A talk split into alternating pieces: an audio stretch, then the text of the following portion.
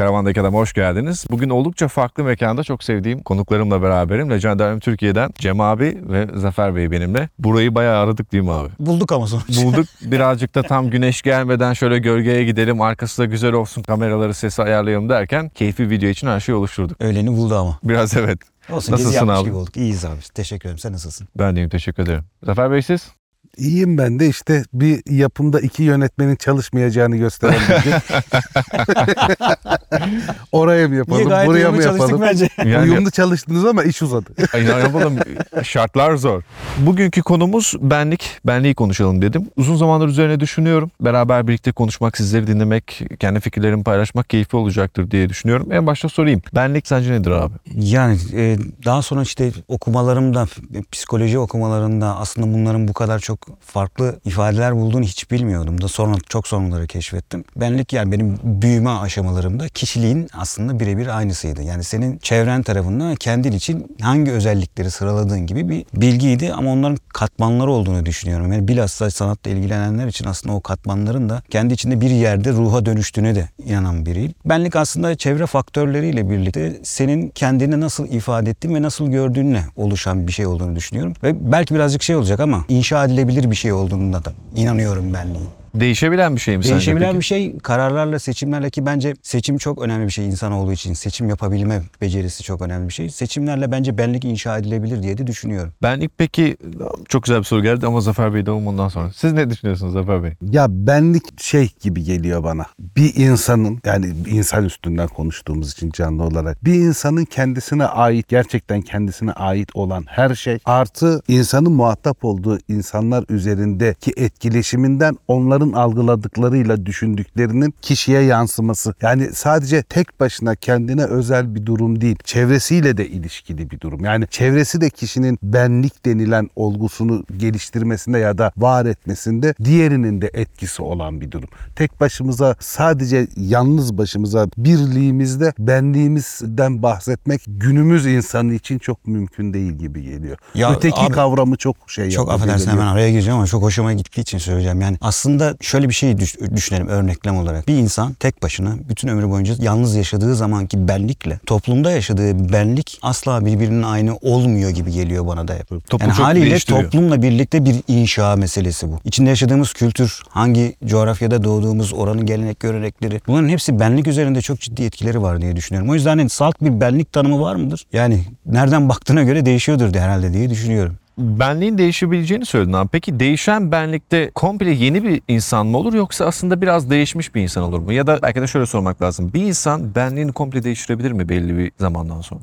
Ya ben buna inanıyorum biliyor musun? Değişebileceğini. Kesinlikle yani yüzde yüz demiyorum. Ama hani e, toplum içerisinde varlığın, bilinen varlığın neyse onu farklı e, pozisyonlara getirebileceğine inanıyorum. Yani, yani çok basit bir örnek vereyim. Yani çok uça götürerek örnek vereyim. Bundan sonra benim en sevdiğim renk kırmızıdır ve kırmızıyı çok severim diye bir karar farz edin. Evet. Ve ondan sonra bütün kılık kıyafetinden tuttu kullandığın objelere ya da evindeki belli estetik bulduğun şeyleri kırmızı yapmaya başladın. Bu gerçekten onu sevdiğinden midir yoksa inşa ettiğin bir şeyden dolayı mıdır? Bir nevi artık davranışlarını sen belirlemiyorsun, yarattığın kimlik belirliyor gibi. Ya bir tercih meselesi. Daha sonra diyelim ki sen bu tercihi aldıktan 6 ay sonra ya da 6 sene sonra biraz daha farklı bir insan grubuyla bir araya geldin ya da eski arkadaşların senin hakkında şey diyeceklerdir. Kırmızıyı çok sever. Kırmızıya düşkündür. der. Ya bu bir seçim meselesi ve senin benliğinle ilgili bir şey ifade ediyor aslında. Dışarıdan görülen şeyle aslında içeriden yansıttığın şey birazcık kendi içinde ufak ayarlarla değişebilen bir şey. %100 yapılabilir mi? Yani psikolojiyle ilgili bilgim yok ama okuduklarımdan şunu çıkartabiliyorum. Bilincin dışında da bir şeyler var. Oradaki benliğe ne kadar çıkıyor onun hakkında bir fikrim yok ama mutlaka bir etkisi olduğunu söylüyorlar. Öyle okuyor. En azından Freud bunu söylüyor yani. Bilmiyorum ne kadar doğrudur. Peki Zafer Bey siz ne düşünüyorsunuz? Yani benlik değişebilir mi bütünüyle? benlik değişir. Yani zaten şey insan nasıl değişiyorsa, doğa nasıl değişiyorsa benlik de değişiyor. Yani ister istemez değişiyor zaten. Şimdi çocukluk arkadaşlarının oluşturduğu onlarla beraber annen, baban, ailen, kardeşlerinle oluşturduğun bir benlik. Sonra diyelim okumak için yurt dışına gidiyorsun. Oradaki çevrenle oluşturduğun bir benlik ayrı bir şey. Hatta daha radikal şeyler de var. İşte ölüm cezasının mesela ne derler geri dönüşümsüz bir ceza ceza olması ve o yüzden de çok uygulanmasını istenilmemesi yani medeniyet açısından falan biraz bununla alakalı. Yani bir adam bir cinayet işler, yakalanır. O adam işte hapishaneye kapatılır. idam edilmez 20 yıl 30 yıl hapis yattığını düşün. Belki orada bir benliğini yeniden inşa edecek ve dünyanın en hümanist insanı olarak geri çıkacak. Benliğini tamamen yeniden oluşturacak. Kendi vicdan azabıyla, kendi ahlaki öğretileriyle, çevresindeki gördükleriyle falan. Hani olasılık olarak zaten kendi çevrenle beraber, kendi algılamanla beraber sürekli değişen bir şey benlik. Yani hiçbirimiz 20 yaşındaki kişi değiliz. Şimdi 40 yaşında, 50 yaşında, 60 yaşında. Ya muhtemelen ben bundan 10 yıl sonra da şimdiki adam olmayacağım. Hani çok özündeki şey, yani bizim ne derler mizaç dediğimiz durum değişmeyebilir. O sabit kalabilir. Ama onlar çok böyle nasıl diyeyim anayasa gibi. Yani çok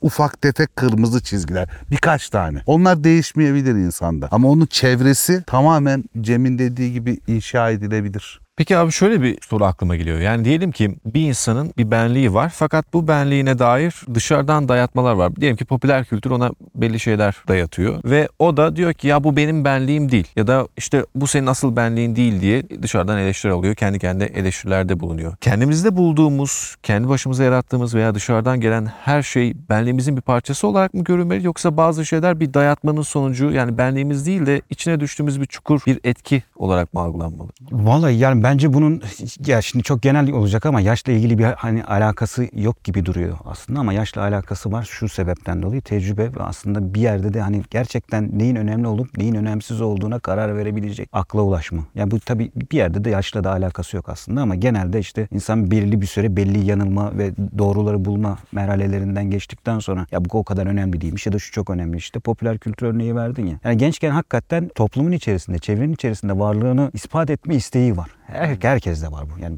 ben de öyleydim 20 yaş 20'li yaşlarında. Haliyle o zaman hakikaten beğenilme isteği ya da onaylanma isteğiyle aslında senin benliğini çok sarmayan, çok senin gibi olmayan şeyleri de gerçekten seviyormuş, ilgileniyormuş ya da onunla birlikte daha iyiymiş gibi bir hisse kapılıyorsun. Zaman geçince ya aslında o kadar da değil yani Bu- bunlarsız da ben ben olabiliyorum diyerek aslında gerçek içinde büyüttüğün kimliği, kişiliği daha baskın geldiği anlar oluyor. Bence işte bu tecrübe birazcık daha kişiliği ön plana çıkartan doğrusu da bu olan. Maalesef üzülerek söylüyorum bizde yani kültürel olarak Türkiye kültüründe daha çok baskılama Avrupa kültüründe ya bırak o onun kişiliği yapsın doğruyu yanlışı bulacaktır şeklinde benim o tarafın daha doğru yaptığını düşündüğüm bir ayraç var. Bizde bir kişi gerçek anlamda benliğini kişiliğini ön plana çıkarttığı zaman hemen çevresi tarafından sen değişik misin, sen şöyle misin, sen entel misin gibi bir sürü etiketle e, baskılanmaya çalışılır. Bu da sonuç olarak bütün evrensel olarak geçerlilik söylemiyorum ama kültürde bizim kültürümüzde en azından bu var. E, benliğimizi çok fazla ortaya koyabildiğimizi düşünmüyorum. Çok kıstaslar var.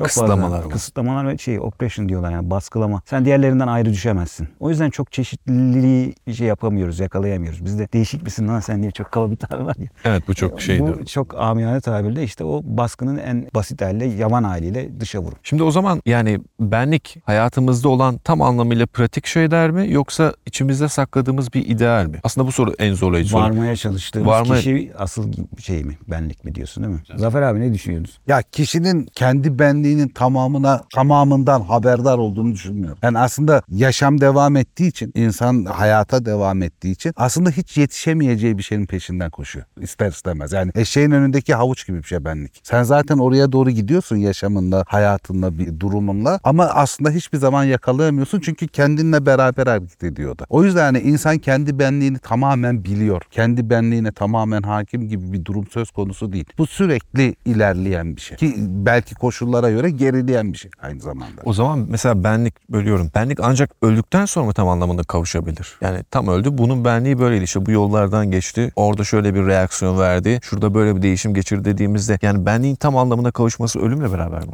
Bence bilinemez bir durum. Ölümle beraber de diğerlerinin kendi anlayışına göre Görece seni olacak, tanımlaması olacak. Dışarıdan bir yorum. Dışarıdan Hani bir yorum olacak. benlikten bahsedilebilir ama benlik bu işte bu bu kişinin benliği budur denilemez. Ama onun bir benliğe sahip olduğunu bilirsin. Onun bir benliği olduğunu bilirsin. Kişi kendisine ait bir benliğe sahip olduğunu da bilir ama bunun mutlak olarak ne olduğunu aslında bilemez. Çünkü öldüğü zaman da diğerleri tarafından değerlendirilmesi kalacak. Yani hiç bitmeyen bir süreçmiş gibi bu. Yani hiçbir zaman tam olarak hakim olamayacağımız, hiçbir zaman tam olarak sonuçlandıramayacağımız bir şey. Artık ben oldum oldum. Yani işte bütün insanlık tarihinde kimden bahsedebiliyoruz? Buda'dan yani Nirvana. Yani orada bir tümlenme durumu var işte. Nirvana'da kendi inançlarına göre orada bütünselleşir artık. Yani tamamen her şeyden bağımsız ve her şeyle ilgili olmaya başlar. Ama bütün insanlık tarihi boyunca başka örneklendirmemiz de yok. Demek ki bu çok büyük kalabalıklar için neredeyse bütün insanlık için tamamlanan bir benlik, tam olarak tanımlanan bir benlik söz konusu değil. Ya orada da bir inziva meselesi var mesela çok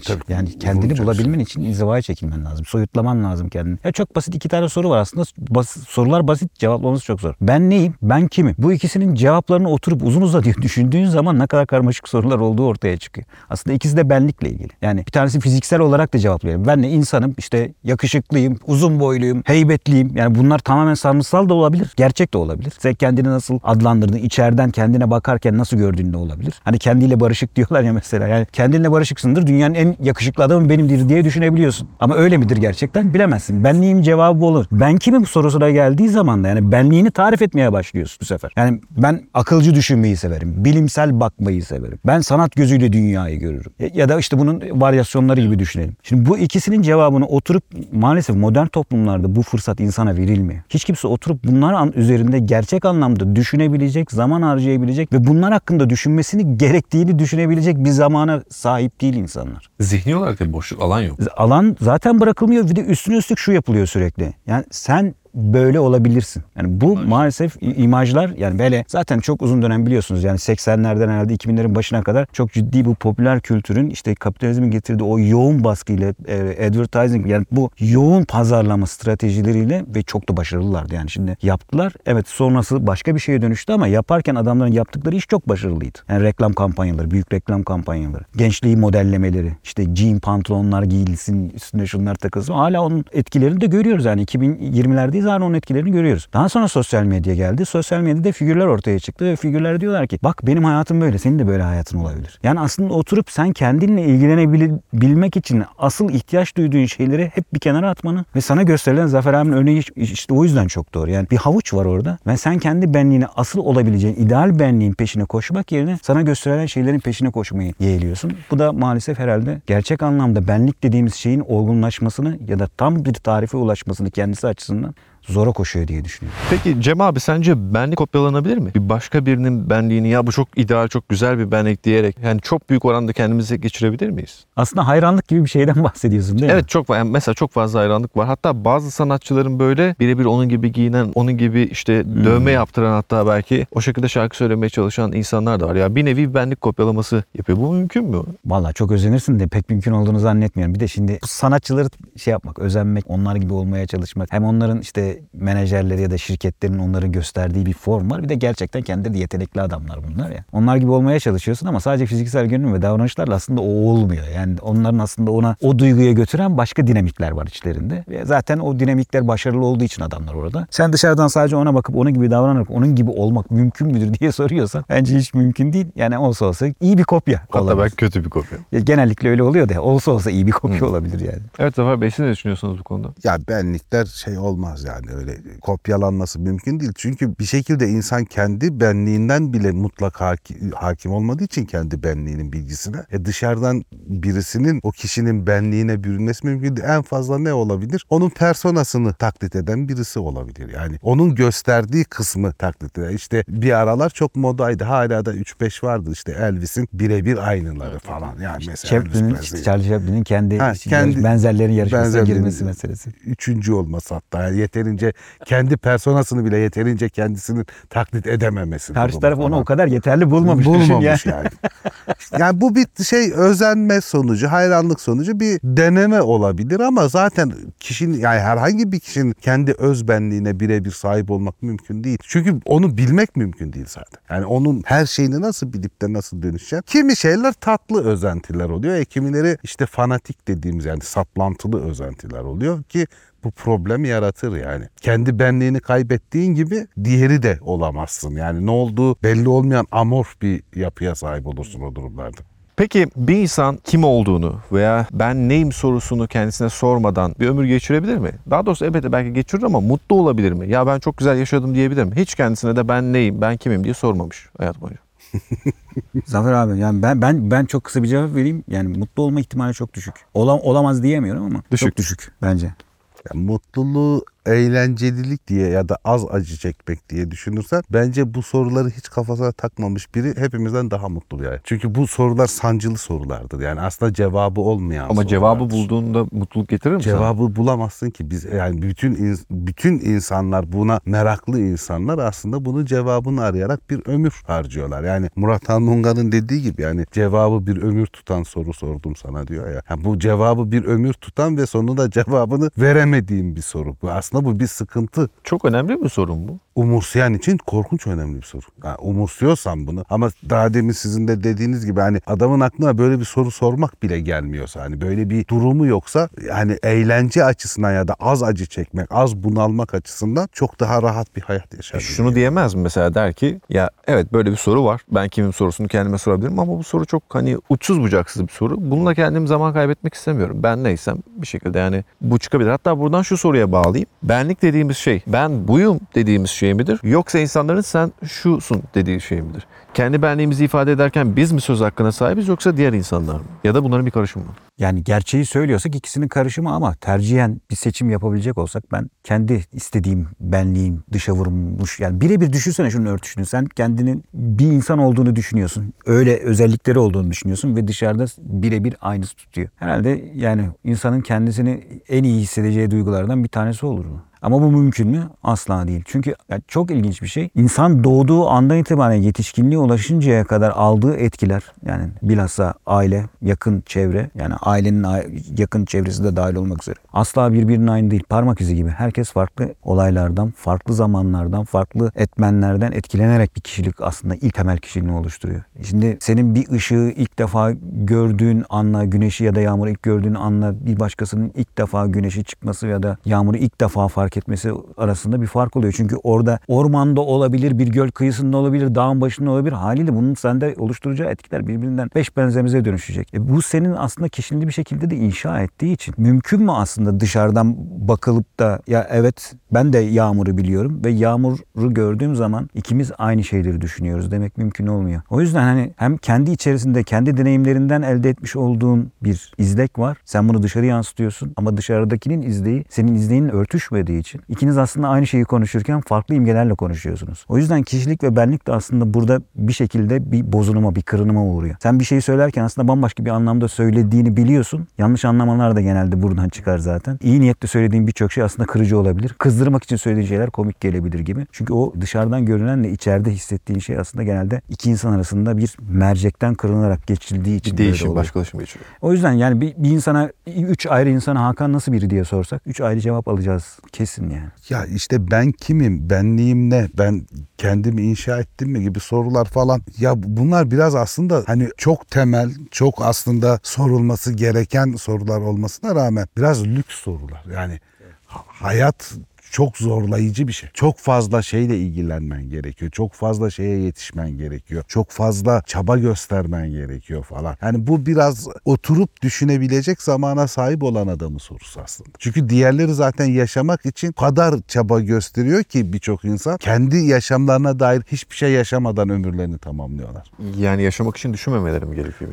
Vakitleri yok. Va- Vakit meselesi çok önemli. Yani işte sabah İstanbul'da yaşayan bir insan olarak düşünün. Ne bileyim iki semt ötede bir yerde iş yeri var, çalışıyor işçi. Yani sabah 8 mesaisine gitmek için 5'te kalkacak. Ondan sonra akşam mesela diyelim normal insani şartlarda çalışıyor. Akşam 5.30'da çıktı. Evine gitmesi için gene 2-2.5 saat zamanı var. E, en az 6 saat 7 saat arası uyuması lazım. E, alışveriş yapması lazım. Hani Yemek yemesi yemek yemesi lazım. Bir şeyler yapması lazım. İnsanı düşünebilmek için sadece 1-2 saati var. O da zaten hem psikolojik olarak ruhen hem de bedenen pestil olduğu için bu kadar ciddi soruları kendine lüks görüp hiç sormama hakkına sahip bence. Peki o zaman farklı bir nüansa döneyim. Şimdi yangın gölge kavramında da karşımıza çıkan bir şey var. Yani aslında günlük pratik yaşamda olan ve belki de insanlara karşı yansıttığımız personamızda da saklı duran bir şey var. Bir gölgemiz arkamızda sakladığımız bu ara ara ortaya çıkıyor. Mesela buradan bir romanın üzerine hatta çok ikonikleşmiş bir romanın üzerinden bir soru sormak istiyorum. Dr. Jekyll ve Bay Hyde hikayesi. Şimdi bu çok ilginç bir hikaye çünkü benlik kavramının ekseninde ele aldığımızda baktığımızda çok çıkmazlara giriyor. Mesela ilk sormam gereken şey mesela Dr. Jekyll, Bay Hyde çok az spoiler vermem gerekecek çünkü muhtemelen daha önce okumayanlar var. Dr. Jekyll iyi bir insan, önemli bir formül buluyor. Bu formülü bulduğunda içindeki o tüm kötü hazları ortaya çıkartan, kötülüğü ortaya çıkartan bambaşka bir kişiye dönüşüyor. Yani Bay Hyde'a bu formül onun farklı benliklere kavuşmasını, farklı imajlara kavuşmasını sağlıyor ve bu sayede hem iyi hem de kötü bir insan olabiliyor. İki kimlik birbirinden etkilenmiyor. Velhasıl Dr. Jekyll aslında Bay Hyde mıdır, Dr. Jekyll mıdır yoksa ikisi de değil midir? Değil mi? İşte zaten e,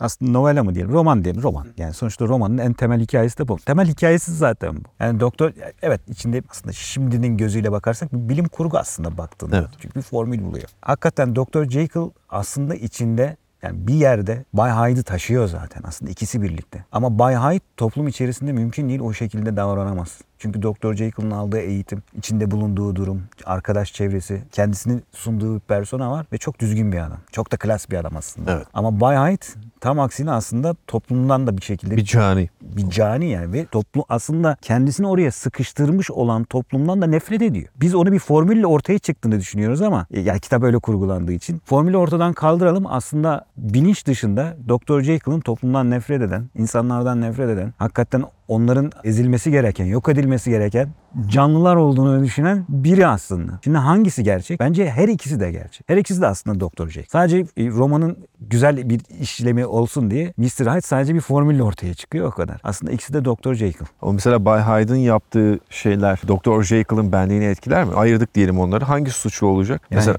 evet değil mi?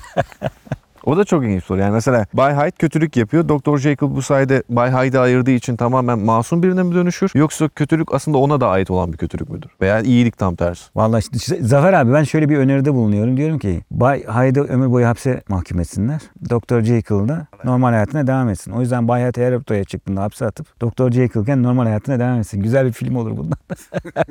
Ya şey gibi bu. Hani çok basit bütün cinayetlerde şey olur ya katil yakalanır ama hani çok derin bir iştir bu. Kamuoyu ya da basın ne der? Tamam silahı bu çekti ama asıl emir verenler kim? Gerçek suçlular onlar. Şimdi Bay Hyde suçlar işliyor muhabbeti hani cani birisi falan. Şimdi bedeni karar vericiden ayrı mı yargılayacaksın? Yani bedeni mi yargılayacaksın?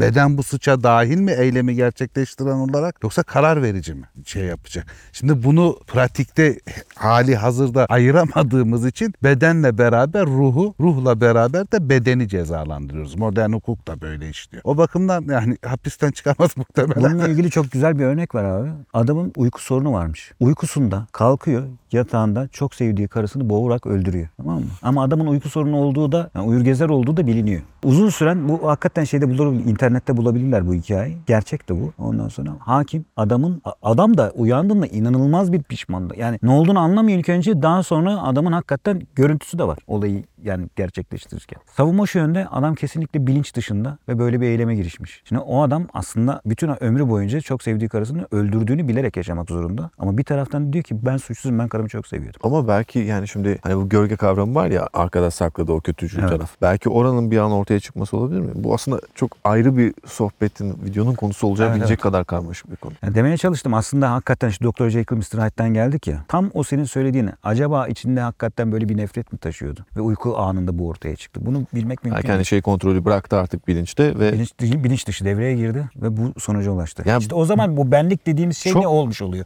evet Çok karmaşık bir o girift bir yapıya dönüşüyor. Çünkü işte. hani pratik olarak ortaya koyamadığımız şeyler var günlük hayatta ama belki içimizde saklanan o kötücül veya iyicil taraflar da olur şimdi illa kötü olması gerek yok. Bunlarsız benliği ele aldığımız hep noksan kalacak gibi. Bu hikayede de aslında bütünsel bir durum bu. İkisi ayrı kişi olarak değerlendirilmemeli gibi geliyor bana. Çünkü şöyle bir durum var. Ee, bir formülle bir ilaç içiyor bir şeye dönüşmüyor aslında. Belki de Freudian olarak alt benliği üst benlikle yer değiştiriyor.